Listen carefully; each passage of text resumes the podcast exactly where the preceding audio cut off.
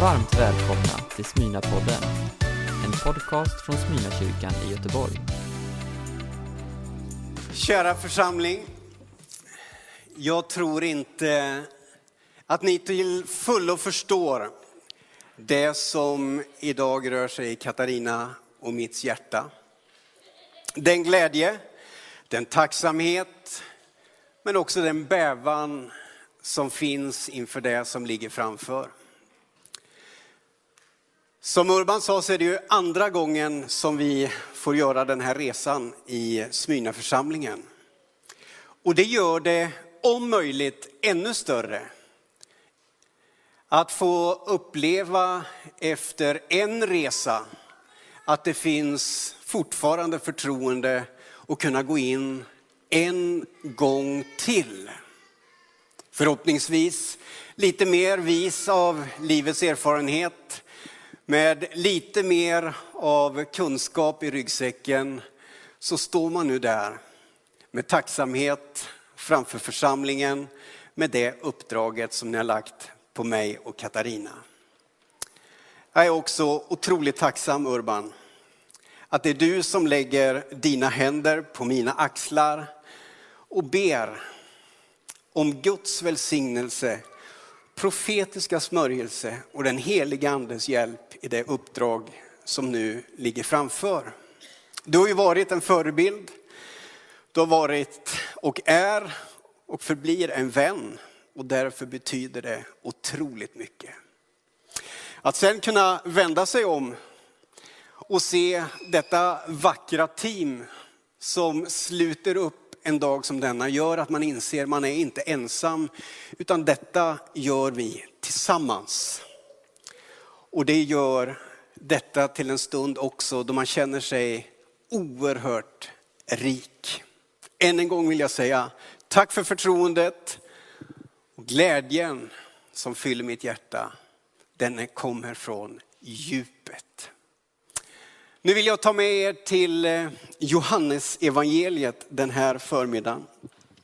Det fjärde kapitlet och vi ska läsa ett eh, välkänt bibelsammanhang. Och det är det ju för dig som läser Bibeln. Läser du inte Bibeln så är det ju helt okänt. Oavsett så vill jag att ni lyssnar för jag tror att den här texten har någonting att säga oss idag. Johannes evangeliet, det fjärde kapitlet, vers 1 till 23. När Jesus förstod att fariseerna hade fått höra att han vann fler lärjungar än Johannes och döpte fler. Ja, det var ju dock inte Jesus själv som döpte utan hans lärjungar. Då lämnade han Judeen och begav sig på nytt till Galileen. Han måste ta vägen genom Samarien och kom där till en stad som heter Sykar. Inte långt från den mark som Jakob gav sin son Josef. Där fanns Jakobs källa. Jesus som var trött efter vandringen satte sig ner vid källan. Det var mitt på dagen. En samarisk kvinna kom för att hämta vatten. Och Jesus sa till henne, ge mig något att dricka. Lärjungarna hade nämligen gått bort till staden för att köpa mat. Samariskan sa, hur kan du som är jude be mig om vatten? Jag är ju en samarisk kvinna. Judarna ville ju inte ha något med samarierna att göra. Jesus svarade henne, om du visste vad Gud har att ge och vem det är som säger till mig, ge mig något att dricka. Då skulle du ha bett honom och han skulle ha gett dig levande vatten. Kvinnan sa, Herre, du har ju inget att hämta upp det med och brunnen är ju djup. Varifrån tar du då det levande vattnet? Skulle du vara större än vår fader Jakob som gav oss brunnen och själv drack ur den, liksom hans söner och hans boskap? Jesus svarade, den som dricker av det vatten, det här vattnet blir törstig igen. Men den som dricker av det vatten jag ger honom blir aldrig mer törstig. Det vattnet jag ger blir en källa i honom med ett flöde som ger evigt liv. Kvinnan, hon sa till honom, Herre, ge mig det vattnet så att jag aldrig blir törstig och behöver gå hit efter vatten. Jesus sa då, gå och hämta din man. Kvinnan svarade, jag har ingen man. Jesus sa, du har rätt när du säger att du inte har någon man. Fem män har du haft och den du nu har är inte din man. Där talar du sanning. Kvinnan sa, Herre jag ser att du är profet. Våra fäder har tillbett Gud på det här berget, men ni säger att platsen där man ska tillbe honom finns i Jerusalem. Jesus svarade, tro mig kvinna, den tid kommer då, var, då det varken är på det här berget eller i Jerusalem som ni ska tillbe Fadern. Ni tillber det som ni inte känner till. Vi tillber det vi känner till eftersom frälsningen kommer från judarna. Men den tid kommer, ja den är redan här, då alla sanna gudstillbedjare ska tillbe Fadern i ande och sanning. Ty så vill Fadern att man ska tillbe honom. Ska vi be en bön innan jag fortsätter? Herre, tack för att vi får stå på helig mark den här eftermiddagen. Tack att vi får samlas med dig i centrum. Tack att vi får räkna med att du ser och hör och att du är närvarande genom din ande. Nu ber jag Herre att du ska leda mina tankar och styra min tunga så att jag får tala på ett sådant sätt så att det blir till nytta och till vägledning. Tack att du hör min bön. I Jesu namn. Amen. Jag har mött några goda människor den här veckan. Det här är min elfte dag på jobbet. Och det har varit en eh, fascinerande start med en informationsflod som har vält över mig. Och jag känner mig väl omsluten av både utmaningar och uppmuntran. En av dessa människor som jag stötte på sa så här, Mats du vet väl att du har mellan tre och sju sekunder på dig att göra ett gott intryck. Och man tänker ju stilla det, ja gode Gud, hur i hela världen ska det gå? Nästa kommer intrampande och så talar han om, sen om du vet att det är hundra dagar du har på dig, det är då de stora förändringarna ska ske, det är då du ska trycka igenom allt på hundra dagar. Och man känner att trycket liksom vilar tungt på axlarna och luften tar slut sakta men säkert. Gode Gud, hur ska det gå? Ni vet att det finns en förening, eller kanske du inte vet, men jag vet. En förening för de som inte riktigt liksom har koll. Man vill ju vara en skarp, distinkt, duktig, tydlig ledare som kan leda församlingen in i eh, framtiden. Den här föreningen kanske blir min tillflyktsort om det vill sig illa. Det är en förening för tankspridda. För de som är disträa och som liksom inte riktigt greppar det. Och jag hörde en intervju med deras ordförande för några år sedan och journalisten var jättenyfiken på vad det där var för förening. Och han vänder sig till den nya ordföranden och säger, ja det är ju jättespännande det här. Ja, säger han, det är ju jättespännande det här. Du, vad krävs för att bli ordförande i den här föreningen? Vad, vad är det för meriter? Alltså, jag vet inte om det är några speciella meriter, men som ett exempel skulle jag besiktiga bilen och så tog jag bussen till bilbesiktningen. Det räckte långt, sa han. Det är inte så att jag pratar om Ringbäck eh, i det här anförandet. Jag har mycket större tankar om dig Urban. Du är en konstnärssjäl med ett stort varmt hjärta och det är något mycket finare. Så det var ingen passning. Men man kan ju också tänka så här, att nu måste man läsa otroligt mycket ledarskapslitteratur för att få alla de redskap som krävs för den enorma utmaning som det är att vara med och leda församlingen in i framtiden. Och det kan man ju göra. Men jag skulle vilja dra ner det på en ännu enklare och mer tillgänglig nivå. Och säga att det finns någonting i Jesu ledarutbildning som alla av oss kan lära av. Att studera, att lyssna, att läsa om hur Jesus gjorde kommer föra oss in i framtiden med förnyad kraft. I den text som vi läste så hade Jesus precis samlat ett gäng lärjungar runt sig. De hade lämnat sina olika yrken och karriärer och de hade svarat jag på kallelsen att gå in i historiens största ledarskapsuppgift, nämligen att förändra världen.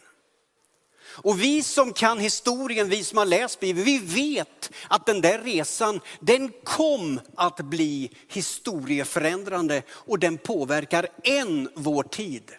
Och kommer att göra än mer framöver. De hade signat upp sig, de skulle få gå ledarskapsutbildning visade sig under tre års tid med mästarnas mästare, kungarnas kung, historiens bästa lärare. Det gäller att vara uppmärksam. Det gäller att ha ögon och öron på skaft och Jesus säger, följ mig. Jag skall göra er till någonting nytt, till människofiskare. När vi nu möter dem så är de på väg norrut. De har lämnat Judeen, de ska upp till Galileen och de korsar ett område.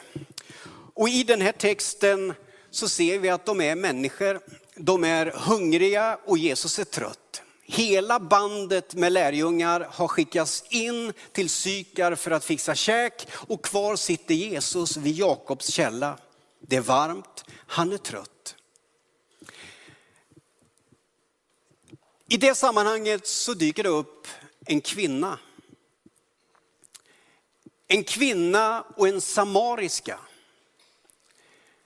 Och Jesus gör det som vi kommer att tala om i tusentals år senare. Han öppnar sin mun och så börjar han tilltala denna kvinna.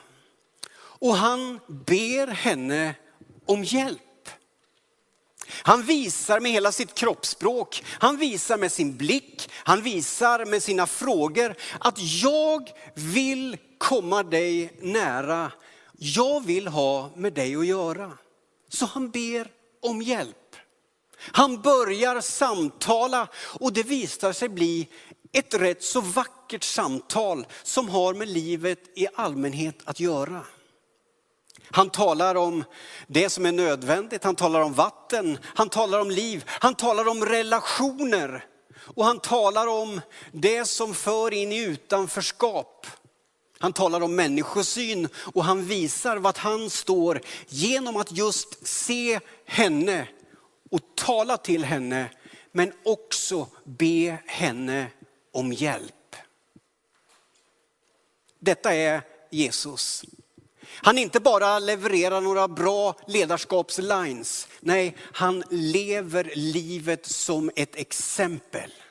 Och lärjungarna kunde bara ha fokus på honom och ta efter. För det var Jesu melodi. Gör som jag. Nu kommer lärjungarna tillbaks och då står det i Johannes evangeliet 4 och 27 så här. I detsamma kom lärjungarna tillbaks. De blev förvånade över att han talade med en kvinna. Men ingen frågade vad han ville henne eller varför han talade med henne.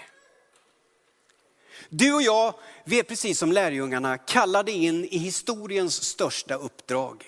Nämligen att förändra världen. Att förmedla det bästa av budskap till människor i deras vardagsliv. Då blir man ju lite sugen på att veta ungefär vilken målgrupp är det det handlar om. Vilka är det som är de där typiska människorna för att bli goda kristna eller goda pingstvänner. Och jag vet inte om du börjar måla upp den där idealtypen, de där människorna som man ska rikta in sig på. Vilka är det som vi ska jaga efter och försöka fånga in? Jesus har modellerat en bild som är väldigt tydlig. Han både säger och visar i handling hur han tänker. Alla människor behöver Gud.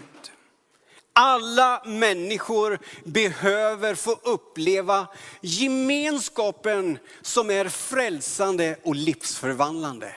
Utan undantag. Därför talar Jesus med den här kvinnan. Varför gör han det? Varför bryr han sig? Varför vänder han sig till en kvinna i utanförskap? När han bara skulle kunna sitta och titta upp i himlen och vänta på att maten levererades och han kunde bli betjänad. Allt handlar om att han är en man. Han är Guds egen son med ett hjärta fyllt av kärlek. Hela hans inre brinner för den värld som finns runt omkring honom och han längtar efter att komma den världen nära. Han ser människorna, han ser deras utmaningar, han ser deras glädje, han ser deras problem. Och han brinner av en längtan att få göra skillnad. Allt detta med en smörjelse över sitt liv av helig ande med en profetisk underton som gör att han ser det som inte först är uppenbart.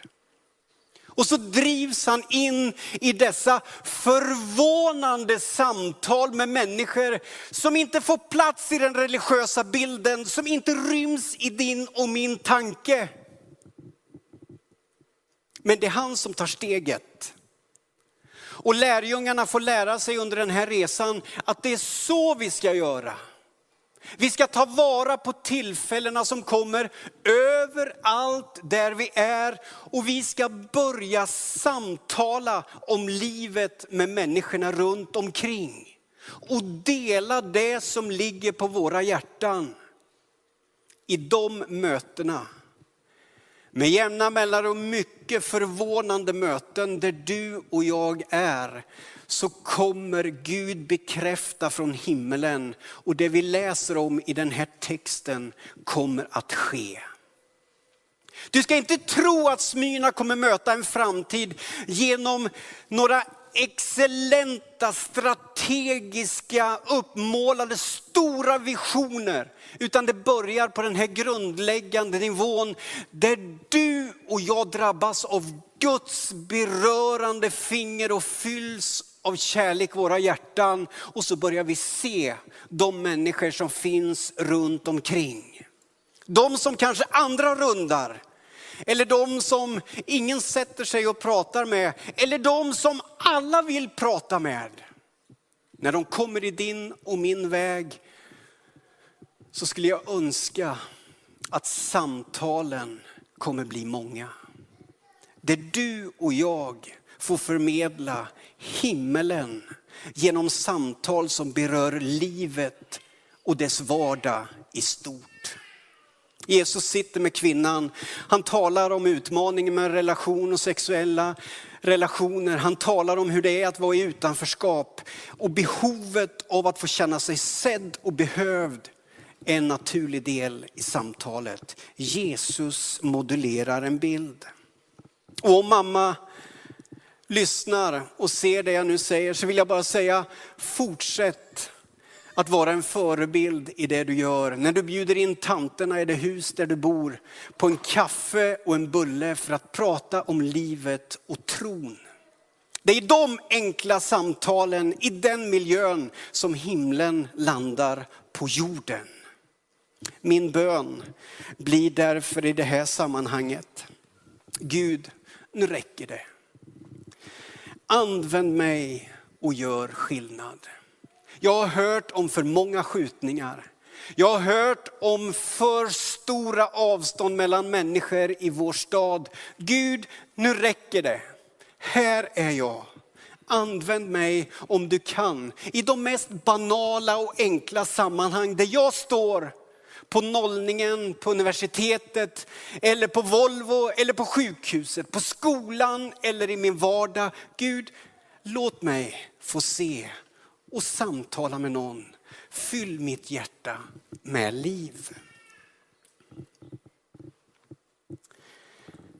I min grundskola så hade jag en slöjdlärare som, när han ställde en fråga som jag inte kunde svara på och jag svarade, jag tror att det är så här.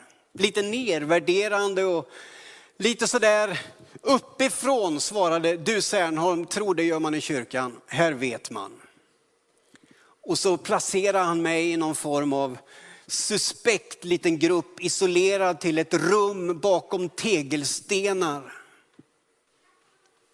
Men du vet, det som Jesus gör, det är att han flyttar kyrkan till platser där ingen trodde att kyrka kunde vara.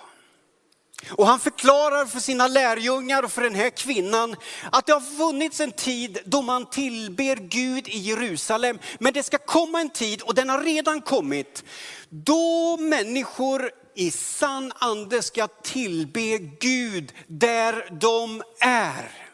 Det vill säga, kyrkan är där du är. Och du förmedlar evangelium rakt in i det sammanhanget där du står. Och det kommer bli förvånande för människor när du får tag på den här stora tanken att du bär himmelen med dig rakt in i det sammanhanget där du står. Det är en fantastisk tanke. Vi har en dröm och en vision och vi kommer och håller på med att bygga Frihamnskyrkan. Den reser sig upp ur lermassorna nere i Frihamnen och det ska få bli en symbol för någonting som innebär glädje för Göteborg. Men det innebär också utmaningar som vi aldrig har stått inför. För det kommer kräva att du och jag gör verkstad av det som Jesus har modellerat och visat på. Vi behöver flytta kyrkan till folket. Vi behöver få människor förvånade över att vi dyker upp i sammanhang där de aldrig trodde att Smyrna skulle finnas. Vi behöver kroka arm med kommun, med företagsamhet. Vi behöver starta nya verksamhetsgrenar och vi behöver skapa plattformar långt borta ifrån det som kallas för kyrkobyggnad. För Guds rike ska utbredas och nu får det räcka med skjutningar, utanförskap och människor som kämpar med psykisk ohälsa. Du och jag är kallade att göra skillnad. Genom förvånande samtal, genom förvånade mötesplatser där kyrkan blir en del av Storgöteborg. Och där vi får finnas med i en miljö där Kristus förkunnas. Judarna i den här tiden, de rundade gärna Samarien. För vem ville beblanda sig med de där människorna? Man hade en, en syn på att de, de får väl vara där. Men de ska vara där, bara vi slipper ha med dem att göra. Man hade ett segregerat samhälle mitt där. I denna bibliska verklighet. Men det står så vackert i texten att Jesus, han måste gå igenom.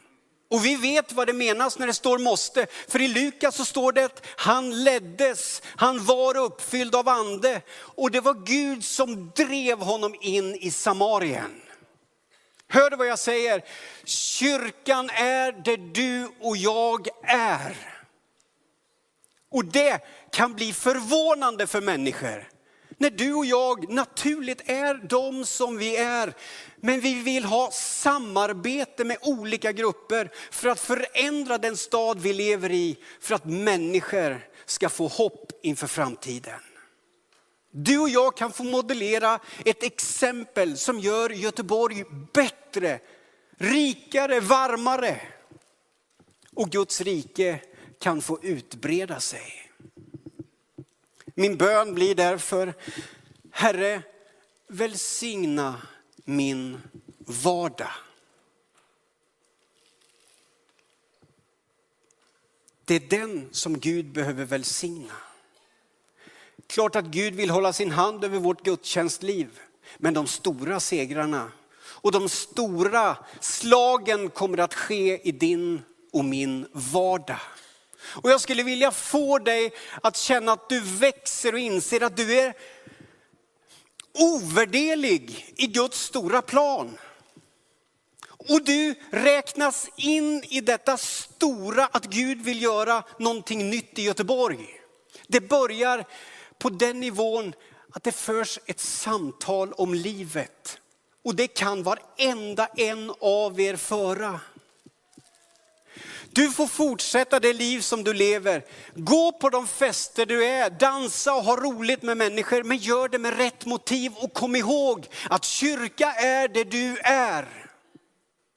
För när du ser människor, när du hör människor och när du drivs av samma motivation som Jesus själv så kan du få vara med och dra ner himlen över vanliga göteborgare till förvandling och frälsning. Jag höll på att säga, kom inte springande till mig. Gå till Urban. Men tillsammans kan detta bli möjligt. Att Gud berör vår stad och vår region. Det är inte svårare än så. Men det är den största utmaningen av dem alla. Jag vill se förvånande samtal, förvånande platser och jag vill se förvandlade människor. I Johannes evangeliet kapitel 4, 39-42 står det så här. Och lyssna, smaka på vad det är som händer efter ett enkelt middagsmöte vid en brunn mellan Jesus och en kvinna. Många samarier från staden hade kommit till tro på honom genom kvinnans ord. När hon försäkrade, han har sagt mig allt som jag har gjort. När samarierna kom till honom bad de honom stanna hos dem och han stannade i två dagar.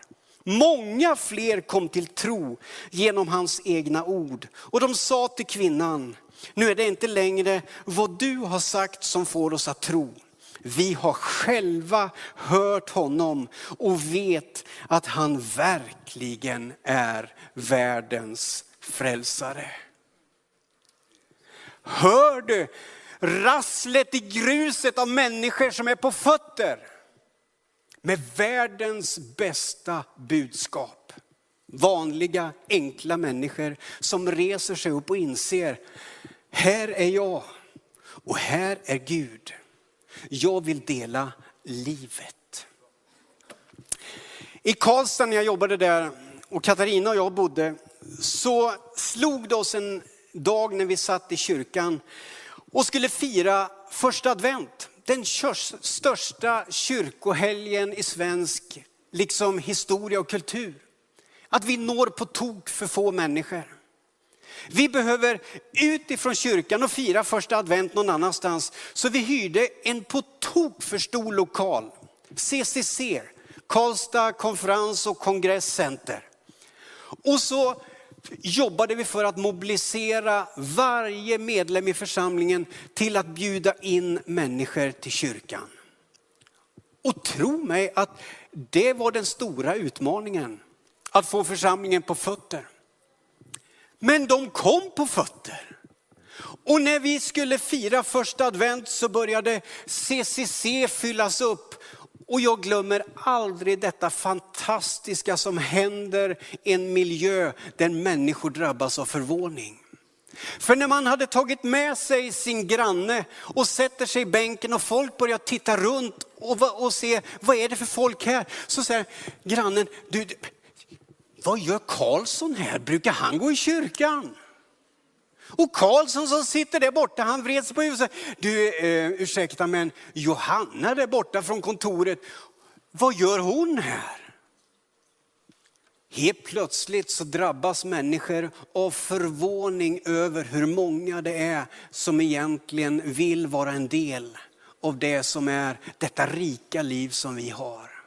Och när de frågar oss varför vi går till kyrkan så svarar vi att vi går till kyrkan för vi måste gå till kyrkan.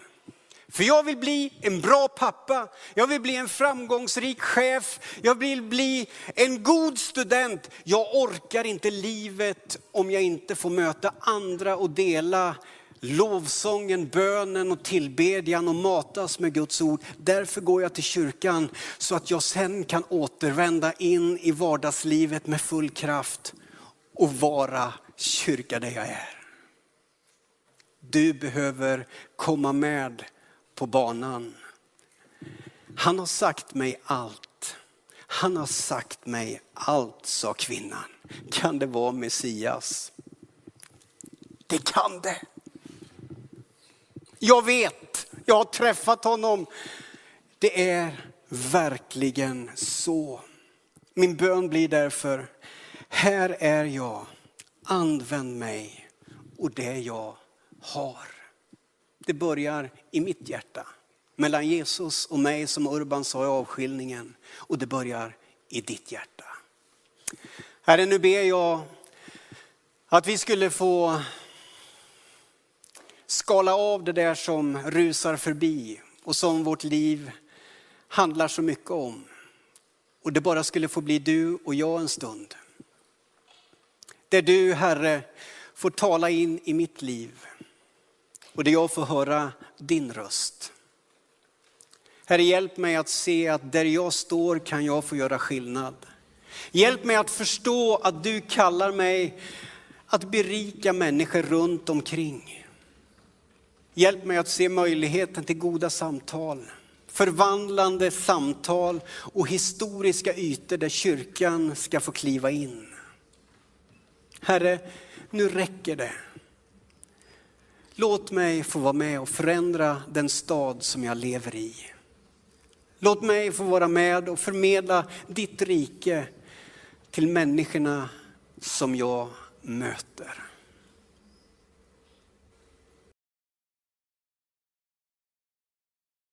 Du har lyssnat på en predikan från Smyrnakyrkan i Göteborg. Hjärtligt välkommen att lyssna igen eller besöka Smyrnakyrkan. Gud välsigne dig och din vecka.